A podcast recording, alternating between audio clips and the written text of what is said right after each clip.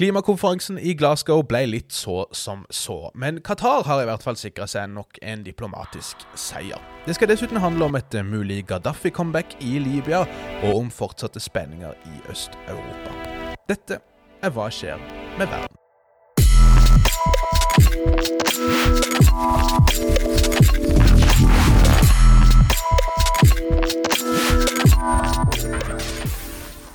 Hei og hjertelig velkommen til en ny episode av podkasten Hva skjer med verden? Denne podkasten for deg som søker et lettbeint alternativ til norsk Maskorama-kringkasting.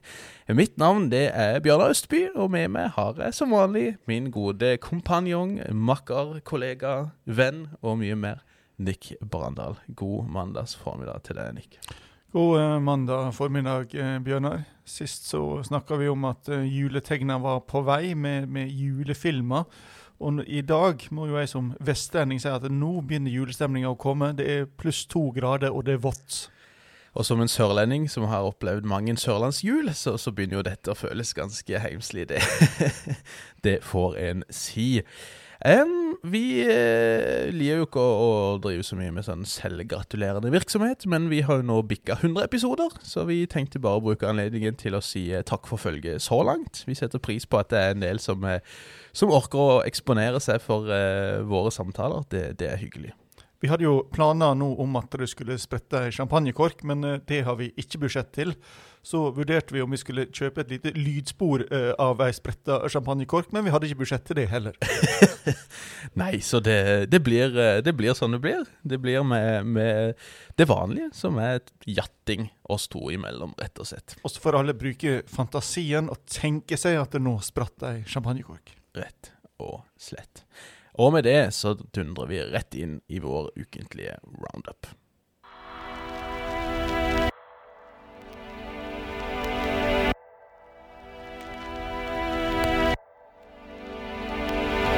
Det har vært en eh, uke i eh, konferansenes eh, tegn, kan vi kanskje si, Nick. Og vi skal starte denne ukas episode med å snakke om to konferanser. Henholdsvis denne klimakonferansen i Glasgow og en Libya-konferanse. Men vi kan jo kanskje starte med denne klimakonferansen, Nick.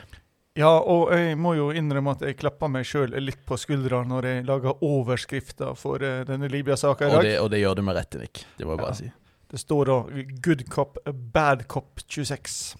Og nå eh, har jeg en sånn Nå må jeg se, har jeg en jubel liggende, hvis jeg er heldig.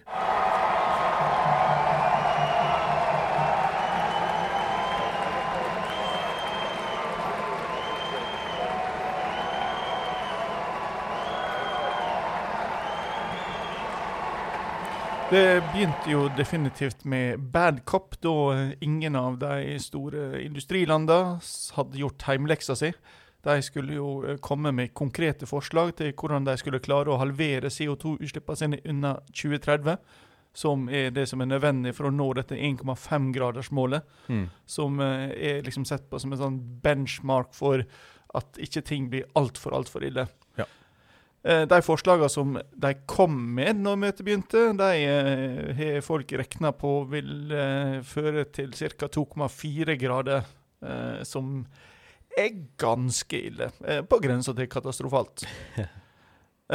og så har jo Det internasjonale energibyrået regna på at for å nå dette målet, så må en stenge ned kanskje så mye som 40% av de litt over 8500 kullkraftverker som finnes i verden, uten å åpne noen nye. og ja, eh, Problemet i Glasgow skulle handle veldig mye om nettopp dette med kull. Mm. Eh, samtidig, og i en forlengelse av dette, så handler det også om hvordan en skulle eh, komme seg videre på en rettferdig måte globalt. Fordi eh, her er det jo slik at eh, landene i Vesten særlig har jo etter hvert kommet ganske langt i omstillinga mot fornybar energi. Mens da særlig de store landene som, som India og, og, og, Kina er fortsatt ganske avhengig av kull som energi. Mm. Eh, og, og, de vil få økonomiske problemer hvis de må gjøre dette her for, eh, for raskt. Og eh, dette var jo en av de tingene som de ikke fikk til. Det var jo å lage et veikart for en sånn global og, og rettferdig reduksjon Kina og 77 utviklingsland kom jo med et forslag om eh, et eh, investeringsfond, men det var en skikkelig no go. Mm. Eh, samtidig som da eh, Kina og India satte seg på bakbeina helt, helt, helt på slutten, faktisk på overtid, Ja. mot eh, formuleringer om, eh, om, eh, som handla om hvordan en kunne gå fram for å redusere eh, forbruket av kull særlig. da. Det virker jo nærmest som det to den britiske lederen, eller presidenten for konferansen, litt på senga også. Han, han beklagde seg jo for, eh, for de som var til stede, og beklagde at prosessen hadde blitt sånn den ble, og, var jo nesten på gråten, så det ut som, mot, mot slutten av denne konferansen, da, etter, eh, etter denne, skal vi si, nærmest torpederinga helt, helt på tampen. Ja, I et eh, desperat forsøk på å få fart på dette, her, så henvendte han seg jo til den indiske delegasjonen på hindu. Ja, ikke sant. Det ser du, ja. Mm. Ja. Eh, nei, altså, du kan si spørsmålet her Altså, alle var jo enige, og det, og det var jo et av de gode tinga. Eh, alle var enige for første gang om at kull eh, og fossile brensel måtte nevnes. Mm. Eh, men så var det spørsmål hvor konkret og hvor raskt skulle nedfasinga skje. Og eh, svaret som en da endte opp med på overtid av overtida, var at det ville bli gradvise forandringer når disse to landa ville. Og eh, dette kom jo ned på sånn klassisk diplomati, på eh, viktigheten av ord, eller valg av ord. Eh, og det særlig det India fikk jo skylda, men etter hvert så kom det fram at det kanskje var Kina mer, enda mer enn India. Det, det var spørsmålet knytta til ordet eh, utfasing, som ble erstatta av, av nedfasing. Mm. Eh, og så var det eh, kutt i det som heter ineffektive subsidier, versus bare kutt i subsidier. Eh, I dag så blir det brukt noe sånn som 50 billioner kroner til å subsidiere kull og andre fossile energikilder. Altså, Det er mind-blowingly mye penger som går Mm. til noe som vi ikke burde bruke penger til. og, og, og det er skattepenger som blir brukt til dette her. Ja. Altså, eh, og, og dette hindrer jo selvfølgelig, sammen med manglende satsing på forskning, overgangen til fornybar energi. Mm. og dette er jo et problem som ikke handler om andre land, dette handler om Norge også. Altså Forskningspengene vi bruker gjennom Norsk forskningsråd på for, fornybar energi opp mot det som går til olje og gass, er forsvinnende lite. Mm. Eh, så er det da disse to fortolkningene, good cop og bad cop. Altså, Bad cop er jo at dette som ble vedtatt, var for lite, for, for uforpliktende og for seint. Mm.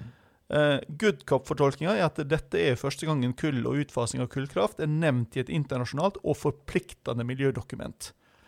Og eh, svaret mellom disse to er at eh, dette var kanskje så langt det var mulig å komme akkurat nå. Og at tross alt ble noen viktige dører som tidligere har vært stengt, åpna. Dette gjaldt ikke minst at Parisavtalen sine mer uforpliktende formuleringer nå har blitt eh, forpliktende. Eh, ikke minst når det gjelder tidslinje. Og at eh, veien som ligger framfor oss, eller som vi kan gå, begynne å gå nå, i alle fall har blitt litt kortere. Eller i alle fall, vi har blitt enige om at vi skal begynne å rusle sakte, men sikkert den veien. Eh, og i første omgang så blir jo det da på neste kopp. Kopp 27 i Egypt. Ja. Og så får vi jo bare håpe og be om at det ikke blir en, unnskyld, uh, unnskyld pønn, en cop-out. Oi, oi, oi. Jeg skal sørge for å legge litt sånn eh, applauslyder på eh, pønsa dine i post i dag. Eh, jeg tenker jo at man, man kan jo kanskje tenke seg at eh, både good cop og bad cop kan eh, være sant på en og samme tid. håper jeg. Det er litt for lite, litt for seint, men samtidig så mye man kanskje kunne håpe på, gitt hvordan disse tingene pleier å, å fungere. Jeg tror det var Dag Hammarskjöld som snakka om en eller annen konferanse en gang, i, en gang i tida og sa at det var ett skritt fram, men det var også et skritt nærmere stupets kant, så, så kanskje det er litt der vi er. Men det har vært en annen eh, konferanse også denne uka, og faktisk så har noen av de samme folka vært til stede på begge disse konferansene. For sist uke var det også en stor internasjonal konferanse i Paris som handla om Libya, og som mer spesifikt handla om arbeidet for å avholde et presidentvalg i Libya. Det har vært en eh, lang rekke mest sånn europeisk drevne konferanser om Libya, spesielt siden 2014. Det har vært flere runder i, eh, i Frankrike, forskjellige steder. Det har vært i Palermo, Italia, det har vært i Berlin, eh, og da møter så sent som i fjor. Og nå har vi da hatt en siste runde med konferanser her, som da ble eh, leda av Macron, av Draghi fra Italia, Merkel var der, og Antonio Guterres, var, eh, altså generalsekretær i FN, var til stede som FNs representant og var med å chaire denne konferansen, da sammen med Libyas nåværende eh, anerkjente regjering. Andre som var til stede, men som ikke håper jeg, var med å arrangere dette, var Russlands utenriksminister Lavrov, som pleier å være der det skjer. Uh, Visepresident Kamala Harris fra USA var på plass.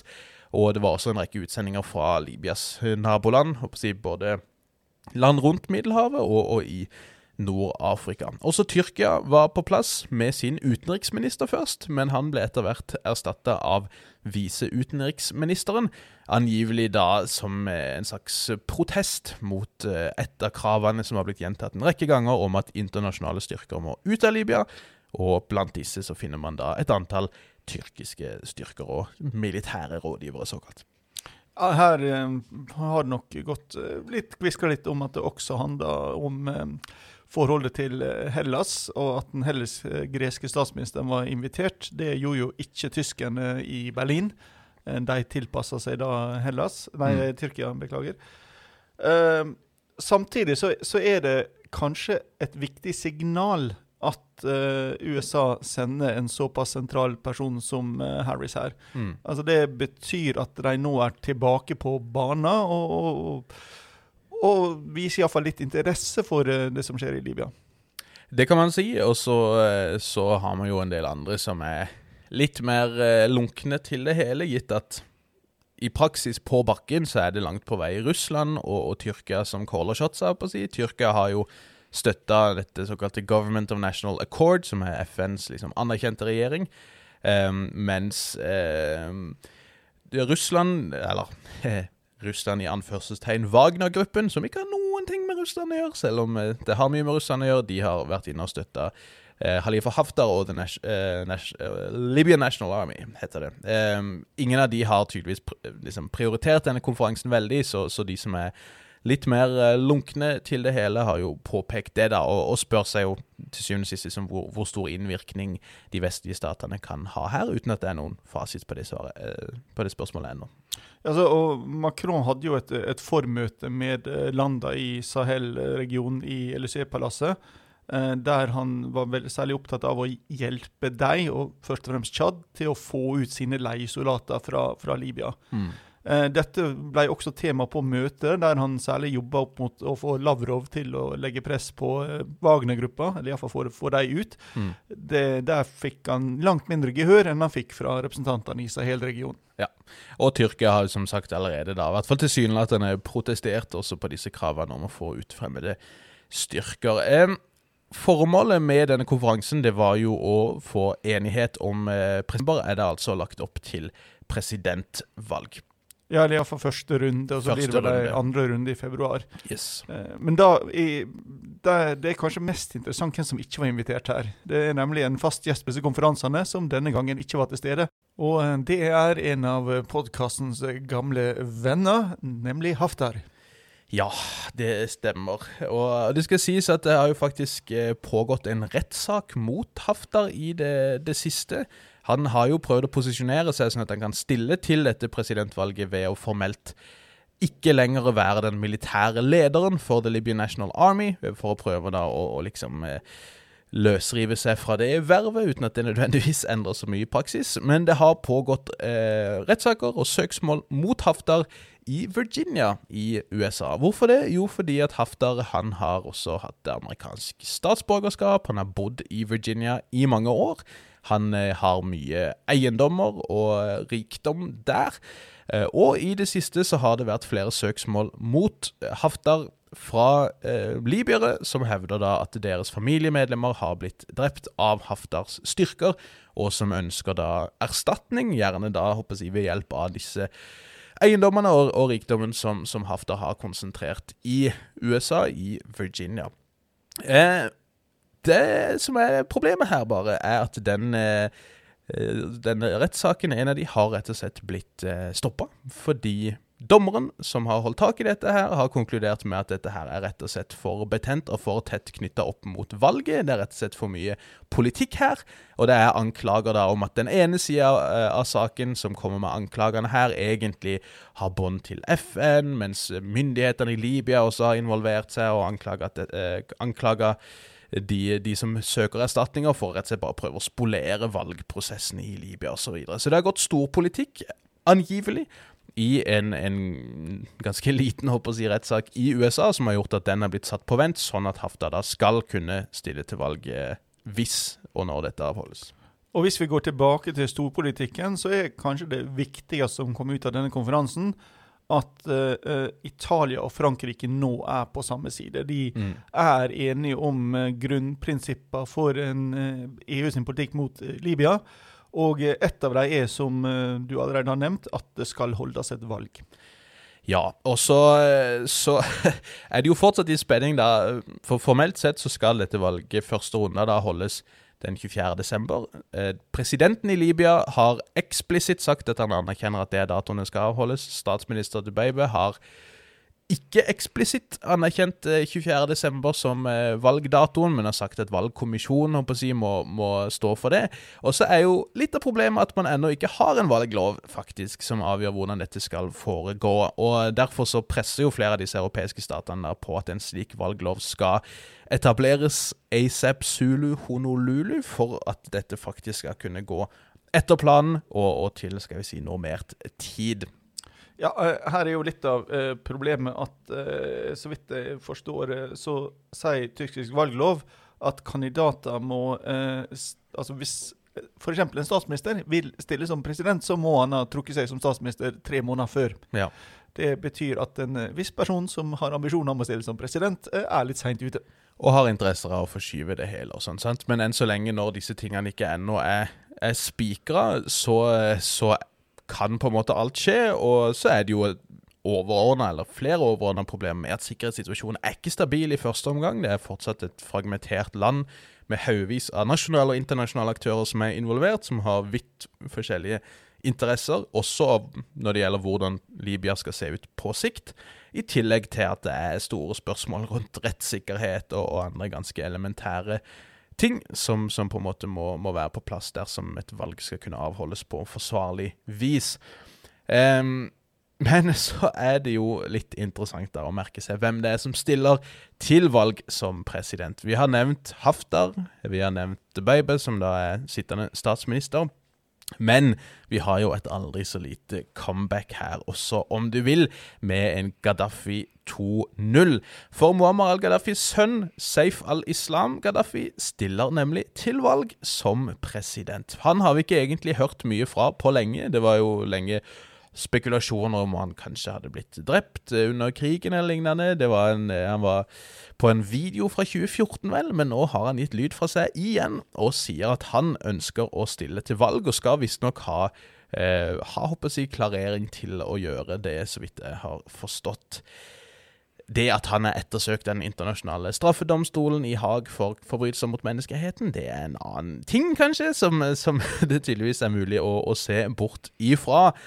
Men det er jo ganske ironisk og, og, om du vil litt sørgelig at det har gått over ti år fra denne intervensjonen der Gaddafi-regimet til slutt ble felt. Uavhengig av om det var intensjonen i første omgang. Og da også ti år siden Gaddafi den eldre ble drept.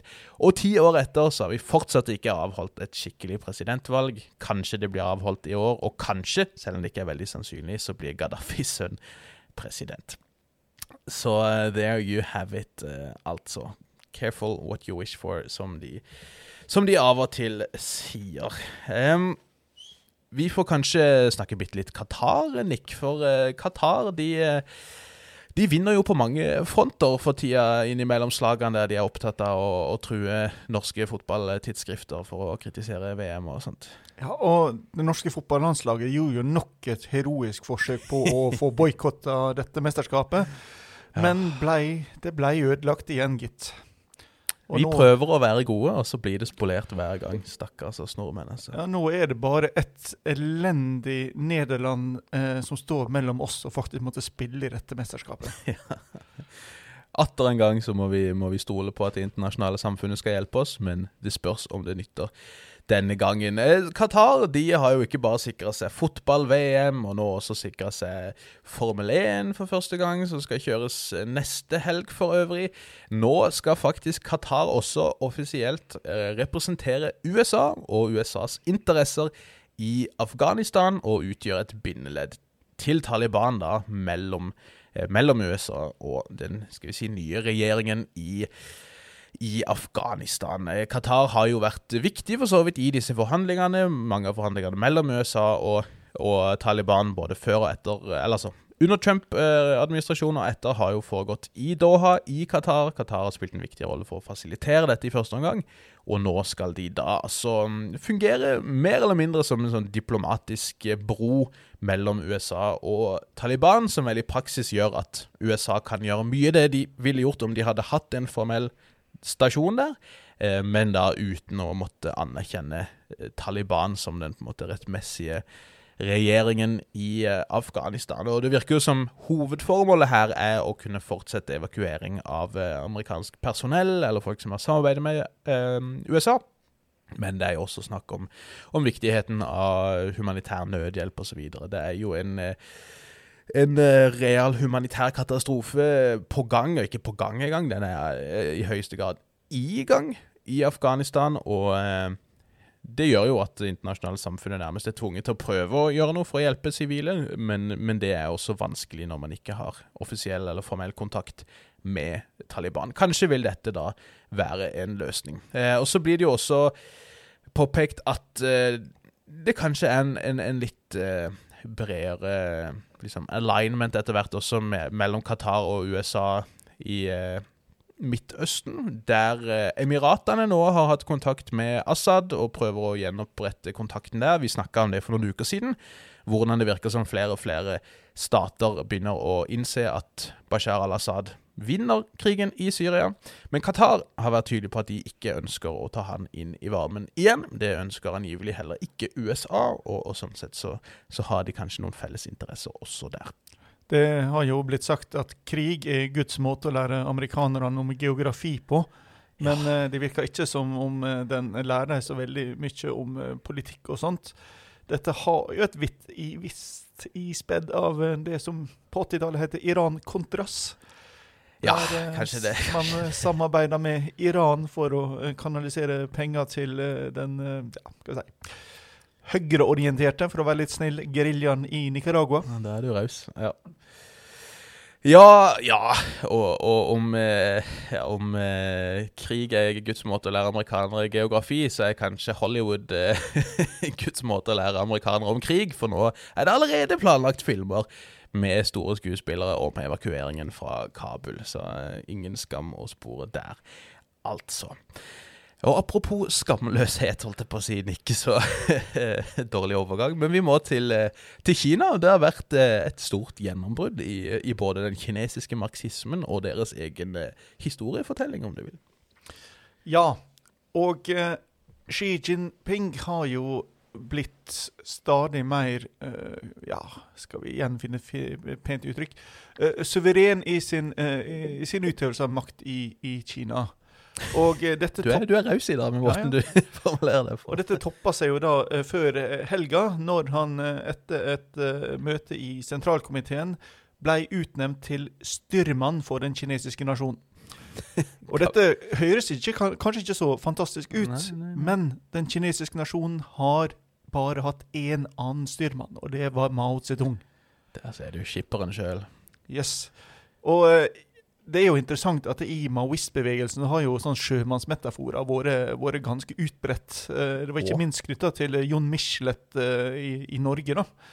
Ja, riktig. Uh, han likte jo liksom å være sånn sjømannsaktig og kle seg i sjø, sjømannsklær med sånne ullgenser osv. Skrive om krigsseiler og ja. Ja, ja, Men uh, det er jo ikke forfatterskapet direkte til Xi Jinping, uh, mer indirekte. det er nemlig hans innovative filosofi som har grunnlagt ikke noe mindre enn en ny historisk æra i Kina.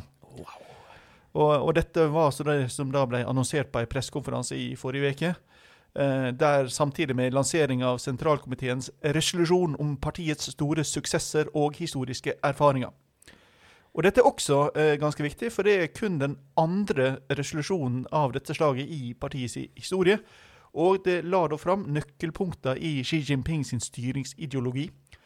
Og eh, hvis vi ser bort fra alt det der med hvor fantastiske ting går i Kina, så, og går til utenrikspolitikken, så er det jo interessant at han da la vektla systemkonkurranse med Vesten. Og der han da viste fram et eh, vestlig system prega av uro, korrupsjon, storminger på Kongressen i USA og økende misnøye eh, med et styre basert på kapitalisme og de rike. Mens i Kina er 98% strålende fornøyd med regimet. Vi gratulerer.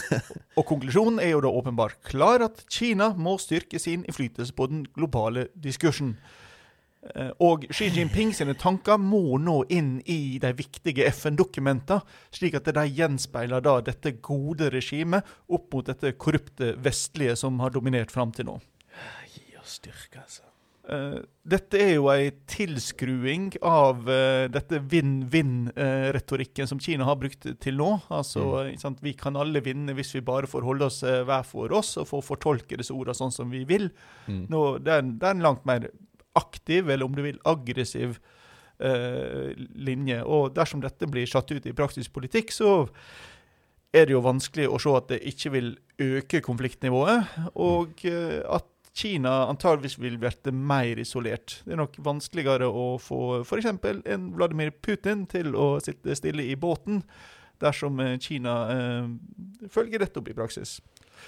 Og det kan jo bli et morsomt videomøte med, eh, med eh, Biden denne veka. Er det i dag, faktisk, det skal møtes? Det lurer jeg på, ja. ja. Eh, samtidig så uh, visste jo Xi at han er en moderne statsleder, fordi uh, det ble jo også lansert en app på denne pressekonferansen. Og Det var ikke noe mindre enn en app som skal lære partikadrene Xi sine ideer utenat.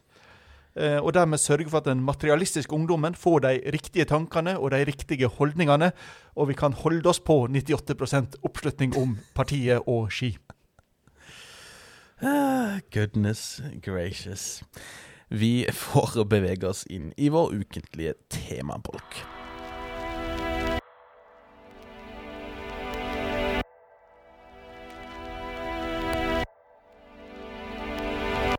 Ukas tema, Nick, der har vi tenkt å snakke om noe vi for så vidt har snakka om eh, gjentatte ganger før, men som det stadig er relevant å snakke om, eh, nemlig denne eh, Kall det grensedisputten, kall det migrantkrisen, kall det en europeisk eh, Ja, om ikke krise, så i hvert fall eskalasjon, kanskje, på grensen da mellom Polen og Belarus, eller Hviterussland, alt etter som.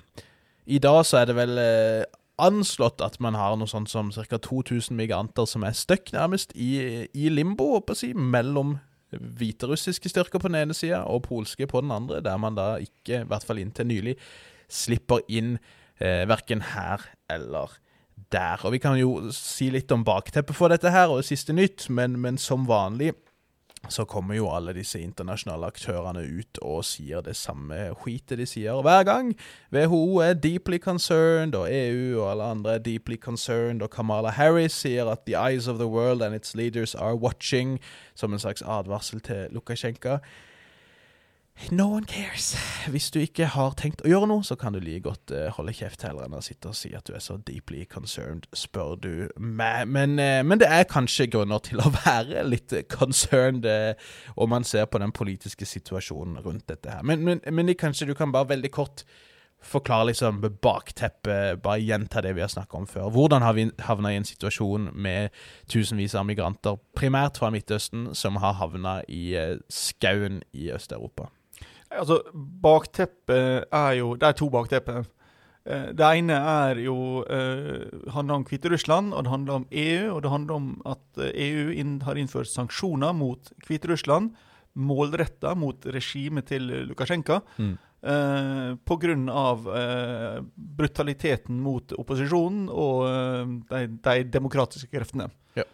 Uh, den andre bakgrunnen er jo selvfølgelig at det er en flyktningkrise i uh, Midtøsten. Fra Afghanistan til Syria og videre til Libya. som eh, skaper et eh, trykk mot eh, Altså folk prøver å komme seg til Europa, og EU har stengt igjen eh, propp etter propp etter propp. Vi snakker jo om Libya, og det er jo en del av bakgrunnen. Ja. Eh, Italia er jo særdeles opptatt fordi det kommer veldig mye flyktninger fra Nord-Afrika gjennom Libya. Ja. Eh, og uh, dette har jo eh, Lukasjenko er jo ikke den første som har oppdaga at dette går an å bruke mot EU. Det Mhm. har Erdogan gjort. Det gjorde Putin, ikke minst mot Norge Mm. i 2015 over Storskog. Marokko mot Spania. Så, så han begynte jo da med å importere flyktninger fra særlig Syria, som han da bare skubba mot grensa til Litauen i første omgang.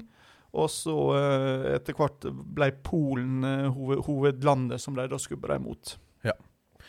Og, og dette virker jo som det har vært nærmest en eh, altså statlig virksomhet. At, man, at, at statlige reiseselskaper og, og flyselskaper mer eller mindre aktivt har oppfordra eh, flyktninger og migranter både fra altså Mange av de har vært kurdere, da, men altså både irakere, syrere, jemenitter og, og, og afghanere til å, ta rett og slett reise til Hviterussland, og så bli geleida nærmest inn i EU derfra. Ja, det er ganske tydelig bevis på at det, dette er en helt, helt, helt bevisst politikk. Ja. Eh, samtidig som det selvfølgelig eh, ikke er staten som eh, gjør dette. Det er jo eh, statlige selskap i beste fall, men Ja. også private selskap som er styrt av enten presidenten det, mer eller mindre direkte, eller av eh, hans eh, klienter i, i samfunnet. Mm. Eh, og eh, etter hvert som da disse grenselandene innførte mottiltak, eh, økt patruljering, Polen har satt opp et ganske heftig piggtrådgjerde, eh, så begynte også hviterussiske grensevakter å, å ta i bruk mer aggressive metoder for å, skal jeg fortsette å være snill, hjelpe flyktningene over. Ja, les dytte de over, basically. Mm. Eh, og, og dette har jo gjort at det har blitt eh, svært anspent på grensa. Altså Polens svar Vi kan snakke mer om hvordan EU har prøvd å løse dette, men Polens svar mer umiddelbart har jo vært å militarisere grensa, rett og slett. De har eh, satt opp eh, piggtråd langs, langs etter grensa, og de har vel fått klarering til å bygge opp en mur også. Og eh, det er jo eh, mange tusen, det siste tallet tror jeg det står 15 000 soldater eller noe sånt, som har blitt eh, satt ut da som en vegg, rett og slett, for å hindre at disse her skal Altså at migrantene skal komme, komme seg inn i Polen og inn i EU. Ja, og her har vi sett økende grad av konfrontasjoner, eller det vil si rapporter om det. Problemet her er jo at Polen har innført unntakstilstand, så ingen uavhengige slipper inn. Så alt som kommer ut her, er jo da styrt av eh, polske myndigheter. Ja. Med andre ord eh, PiS-partiet, som vi i, i begrensa grad stoler på. Mm, mm. Eh, men kanskje litt mer enn vi stoler på Lukasjenko. Og, og vi, vi kan snakke litt om, om denne si, faren for militarisering som har vært snakka om, men, men eh, EU har jo de siste dagene nå snakka om at de, de, de har oppnådd noen fremskritt, sier de. de. De tror at de kanskje kan ha løst noen av disse problemene. Og med løsning så, så er det jo egentlig snakk om å bare flytte problemet over til noen andre på en så enkel måte som mulig, og, og her så har jo litt av tiltakene da tilsynelatende vært å rett og slett legge press på sånne transittland som Tyrkia f.eks., og mot disse forskjellige flyselskapene som har vært eh, mest aktive. Eh, Tyrkia har jo eh, det, det skjedde jo på fredag, vel, forbød de eh, flyvninger av eh, folk fra Syria, Jemen og Irak i første omgang. Eh, fra Istanbul retning eh, Belarus. Med flyselskaper som Belavia eller Turkish Airlines og lignende. Eh, men, men etter det også så har det jo eh, kommet eh, snakk også fra Dubai og Emiratene om at de prøver å stoppe dette her. Eh, og eh, også Libanon har vel, eh, har vel gått med på å prøve å stoppe flyvningene til Minsk. Ja, EU har eh, virkelig brakt ut de store kanonene her, både mot land og mot uh, disse flyselskapene. Mm. Uh, og flyselskapene har jo bl.a. Fått beskjed om at hvis dere ikke slutter med dette, så får dere ikke lov til å lande på flyplasser i EU-området. Ja. Uh, og så har de da gjort laga disse og, og i tillegg til de to du nevnte, så har jo også Fly Dubai gått med på, på den samme avtalen. Ja.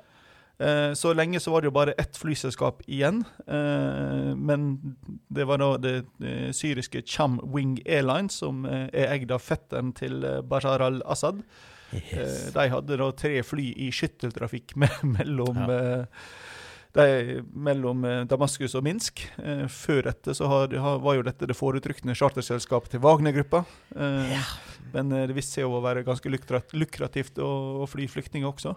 Ja, og, og, og akkurat den syriske linken der er jo litt av grunnen til, til noe spekulasjon i at Putin også er, er tungt involvert her, gitt at han er veldig close med Assad-regimet, eh, og, og at kanskje dette har vært eh, mer koordinert da, også fra russisk hold, selv om Putin så klart nekter for dette. da.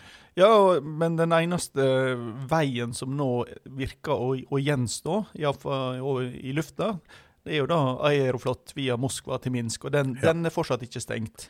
Og selv der har det vel vært trua med sanksjoner, eh, syns jeg har sett, og i hvert fall noen russiske reaksjoner på en, uh, muligheten for sanksjoner der som, som, som uh, de ikke var veldig begeistra for, for å si det sånn. Men i, i helga så virka også presset mot uh, syriske flyselskap, så der ble også da stoppa fordi de visstnok ikke kunne skille mellom vanlige reisende og flyktninger og asylsøkere. Ja, Der ser du.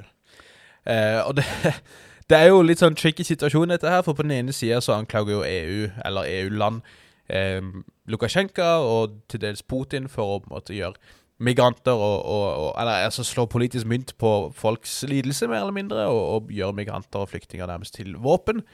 Eh, som de jo ikke nødvendigvis gjør feil i å si, men samtidig så påpeker jo også både Moskva og Minsk at eh, EU bryter loven, rett og slett, og de har ikke lov til å sende tilbake disse folkene. Og det har de vel egentlig også enig i, har det? Det, det har de rett i, mener jeg. Altså Hvis en flyktning eller asylsøker krysser grensa, Mm. så har alle disse landene som du snakker om her, påtatt seg forpliktelser om at da skal saken vurderes. Ja. Eh, Men så oppstår jo problemet i, hvis de klarer å hindre de å krysse grensa, så Ja. har de ikke den forpliktelsen. Nei. Og det er jo der vi er i dag, da, med bygginga av disse gjerder, hvor eh, de da blir sittende fast i et ingenmannsland Ja. mellom eh, to, to sperringer. En slags juridisk limbo, da, egentlig. Det er et juridisk limbo, og det er et moralsk limbo. Det vil si, for EU er det et moralsk limbo. Det virker jo ikke å være det for Lukasjenko. Nei, nei. Og eh, presidenten i forbundsdagen, eh, Barbel, Berbel Bas fra eh, Sosialdemokratene, oppsummerte egentlig dette greit i, i helga. og sa at på den ene sida så er det et problem og at mennesker og, og menneskeskjebner blir brukt som innflytelse. Og på den andre sida så kan ikke EU eh, la, la dette fortsette. Altså Mm.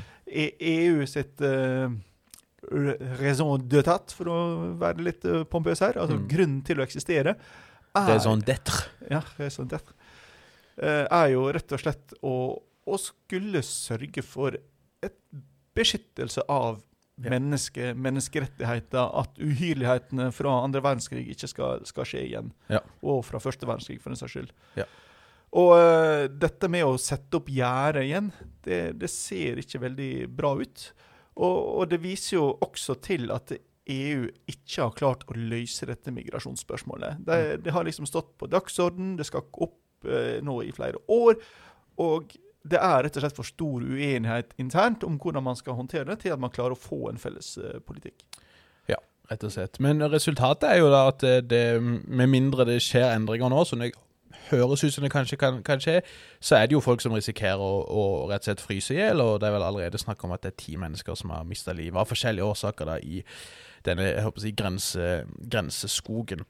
Det, ja. Og det, det foreløpige svaret EU har hatt, er jo bare å omfatte og utvide sanksjonsregimet mot Belarus. Nå det omfatter også smuglervirksomhet og instrumentalisering av migrasjon, som det heter på, eh, på EU-språket.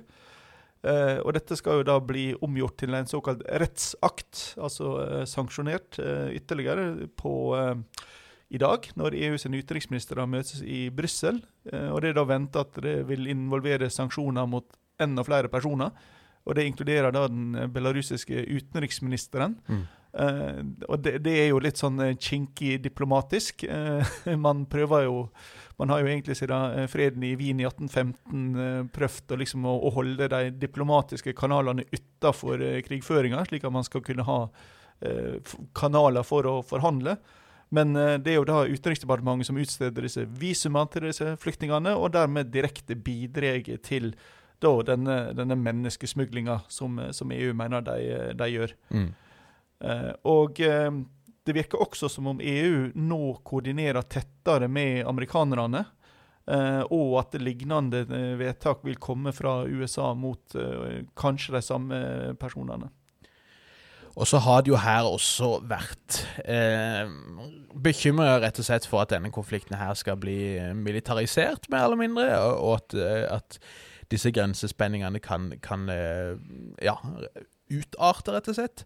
Eh, nå skal det sies at til morgenen i dag så var Lukasjenko ute og meldte at de eh, ikke ønska noen eh, konflikt på grensa, og det ville vært veldig ødeleggende for oss. Og så, si, så klart så ønska ikke en konflikt, men han ønsker mye annet, kanskje.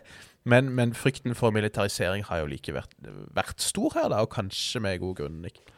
Ja, i første omgang så har de tre, tre landene som blir direkte ramma, Polen, Latvia og Litauen, begynt å diskutere og aktivere artikkel 4 i Nato-avtalen. Mm. Vi kjenner jo alle til artikkel 5, om at et angrep på ett Nato-land er et angrep på alle. Altså gjensidig forpliktelse til forsvar.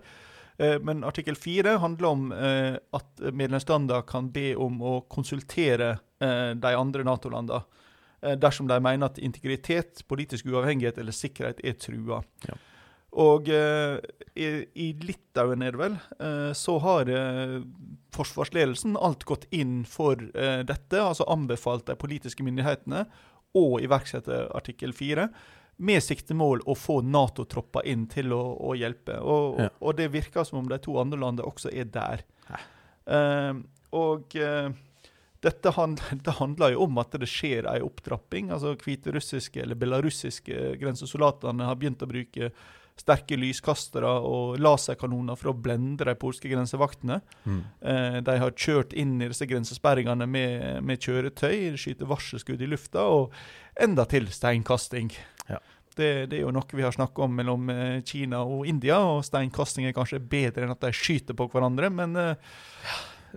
Så, så senest som ukrainske styrker som vi kan komme tilbake til, som trente å gå med sånne skjoldformasjoner av russiske soldater, så det er interessant. Dess mer høyteknologisk og destruktiv krigføring kan bli, dess, dess eh, nærmere kommer vi tilbake til antikkens eh, virkemidler. Og det er kanskje like greit.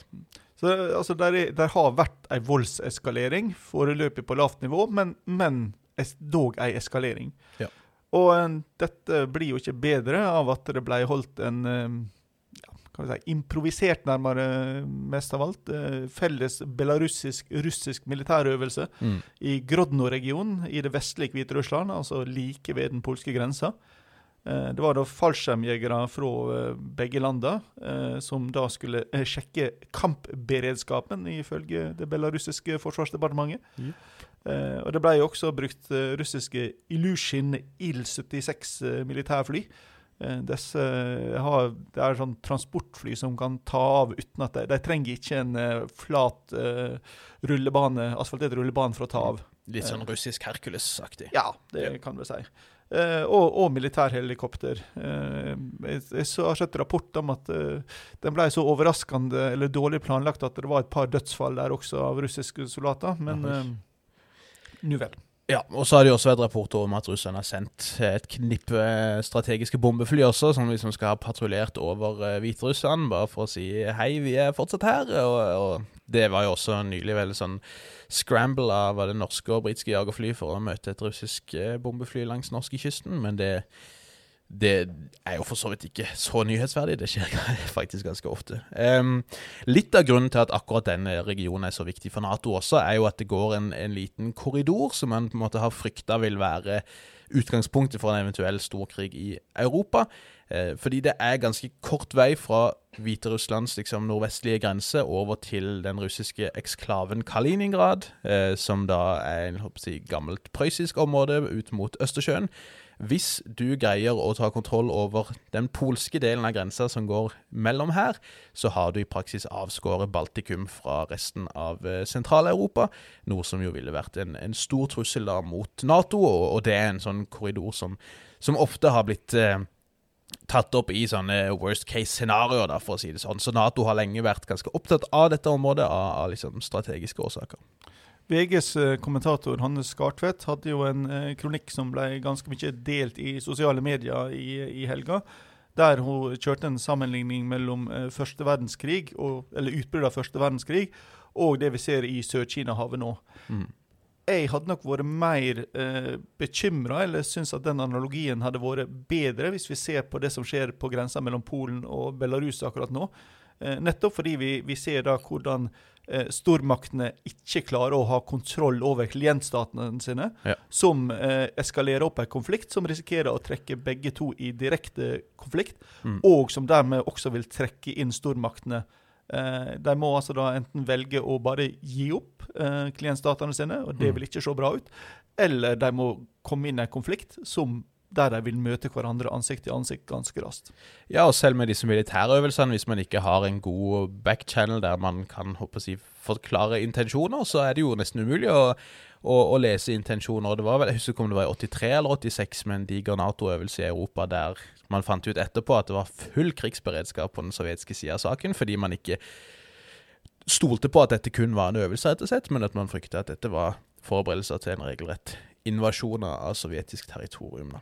Nå er vi nok ikke helt der ennå, men, men jeg tror dette som du sier med disse klientstatene er viktig. Og, og sånn Lukasjenko kan skape bry også for Putin. Han er ikke bare en asset og, en ressurs for Putin. Han kan også være et problem potensielt. Og Det så vi kanskje konturene av da Lukasjenko gikk ut og trua med å, eh, med å kutte gasstilførsel inn i Europa. Ehm, og Putin eller Kreml ganske raskt kom ut og sier at dette her eh, dette er ikke aktuelt. På en måte, Zappa, vi kommer ikke til å tulle med det. Eh, ikke hør på høntullingen der, basically. Nei, og det er jo et, et av momentene her som gjør at den første verdenskrigssamlinga ikke blir så veldig god. Eh, Russland kan ikke kutte gassrørledningene inn til Europa, for da har de ikke penger eh, i så veldig mange måneder framover.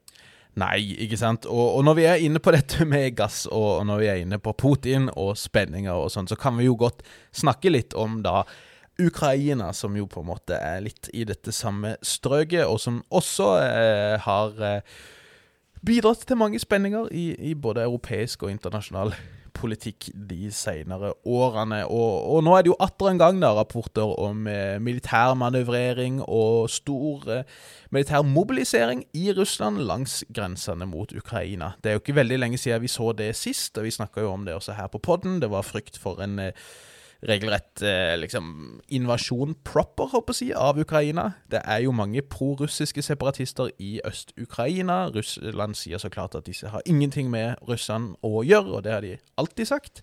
Men konflikten i Øst-Ukraina pågår fortsatt, angivelig uten russisk hjelp, men, men man frykter jo da en regelrett liksom, russisk stor invasjon av hele Øst-Ukraina. Em, i dag også så er det jo en del bekymring rundt dette her. Tydeligvis bekymring nok til at CIAs direktør faktisk ble sendt til Moskva for et par uker siden for å snakke om dette her. Både for å fortelle russerne om at vi vet hva dere holder på med, og vi ser helst at dere ikke lager noe halloi akkurat nå. Og USA har i de siste dagene også vært ute med felles statement eh, fra um, både den uh, russ, uh, unnskyld, franske og amerikanske utenriksministeren og sagt at de er deeply concerned. Eh, Frankrike gikk så langt som å si at eh, det vil få alvorlige konsekvenser for Russland hvis de eh, gjør et eller annet med Ukraina. Nå har jo ikke Frankrike de beste erfaringene, kanskje, med å eh, prøve seg på noe eventyr mot Russland, men, eh, men det får så være. Putin på sin side hadde et litt sånn kryptisk utsagn her for noen dager siden, der han mente at Nato-øvelser i Svartehavet er en stor utfordring for oss. Eh, Men det er liksom ikke noen Nato-øvelser akkurat nå, så vidt jeg har forstått. og Det er en stund siden sist, men det har vært flere de siste månedene, og spesielt i, i sommer var det jo var det jo flere øvelser der, da. Men eh, når det gjelder Ukraina, så er jo liksom i praksis muligheten for å strupe gasstilførselen større, gitt at denne her Nord Stream 2-ledingen som vi har snakka opp og ned og i mente om, den er ferdigstilt, og, og man jobber med å få sviv på det prosjektet der, hvor da russisk gass vil komme til Europa via Tyskland heller enn via Ukraina. Men selv det å skulle drive og kutte gasstilførselen gjennom Ukraina vil jo det vil ikke tjene Russland i det lange løp, for å si det sånn. Men eh, ja, det er, det er jo selv de som spekulerer i at dette med Hviterussland det er egentlig bare en cover-up for eh, russiske manøvreringer mot å uh, angripe Ukraina. Det har vært advarsler ser jeg fra diplomatisk hold om at Ukraina må vente seg militære utfordringer i vinter. og da, da, da. Så vi, vi, får rett og slett eh, se. Det er ikke nytt at eh, Russland manøvrerer og liksom ypper litt langs grensa. Det har vi sett før, og det ikke krig sist gang. Og vi får jo håpe at det, det samme gjelder denne gangen. Altså, Russland har jo ei lang historie, og nå snakker vi virkelig om lang, ja, ja, ja, mange hundre år, med å bruke jeg, minoriteter i disse grenseområdene sine, randsonene sine, til å, som en sånn vippemotvekt for, for å holde, holde kontroll. Uh, og en fullskala invasjon i, i Ukraina tror jeg Russland verken har råd til uh, eller ønsker seg. mens derimot å ha en litt sånn brinkmanship holde en pågående konflikt, det kan Putin bruke innenrikspolitisk. Ja. Og, og, han kan bruke det som et pressmiddel overfor for Vesten. Ja, og, og, det man har sett, kanskje spesielt egentlig siden Eh, ja, Obama-administrasjonen, egentlig, det er jo det at sånn Mid-tier powers, da, om du vil, eh, de kan utrette ganske mye hvis de bare tør å ta en plass der vestlige stater og organisasjoner er mer passive. Det har vi sett i Syria, det har vi sett i Libya. I begge tilfeller så er det langt på vei Tyrkia og Russland som caller shotsa der. Det ser vi nok til en viss grad også i eh, Etiopia, hvor Vesten har gitt fra seg mye av initiativet, og andre stater eh, er tettere på de forskjellige partene. Og det vet Russland godt også. Hvis du ser på militære utgifter, så er jo ikke det russiske militærbudsjettet så stort, egentlig. Det er nokså likt det britiske, faktisk. Hvis Storbritannia, Frankrike og Tyskland hadde koordinert, så hadde de langt utklassa dette. På mange parametere så er Russland Mexico bare med nukes, men eh, igjen, hvis du, hvis du tør å drive med litt brinkmanship, og du holder det på den den riktige sida av, av, grensa, holdt på å si, så, så, kan du komme ganske langt selv med det. Nå tror jeg de historiske erfaringene er at vi ikke skal stole på eh, koordinering mellom de demokratiske statene i Europa når det gjelder å holde diktatur nede. yes. eh, men, eh, men, det til side, så, så har nok også Putin ei, ei, rød linje i Ukraina. Og, og en del av politikken ja. hans handler nok om å sørge for at vestmaktene er klar over at kostnadene ved å ta Ukraina inn i Nato og EU ja. er så vidt store at de ikke vil gjøre det. Ja. Ja det ser ut som det er en linje der. Det kan jo i økende grad se ut som at det også går en linje gjennom Vest-Balkan, for så vidt. Eh, med tanke på hvordan Russland har operert der, som vi snakka litt om, om sist uke. Og i og for seg så kan man kanskje historisk sett skjønne også, eh, også dette, uten at vi skal sympatisere med Putin av den grunn rett og slett. Men eh, skal vi si vi tror vel neppe det blir en stor krig i løpet av neste uke, altså. så får vi bare være ydmyke hvis vi tar feil. Um, med det så tror jeg vi skal gå inn for uh, landing som vanlig. Uh, takk for at dere lytter nok en gang, og at dere har holdt uh, følge med oss helt til nå. Og velkommen til de som nylig har stått følge. Takk også til dere. Takk til deg som vanlig, Nick. Sjøl takk, Bjørnar. Takk for oss. Vi snakkes.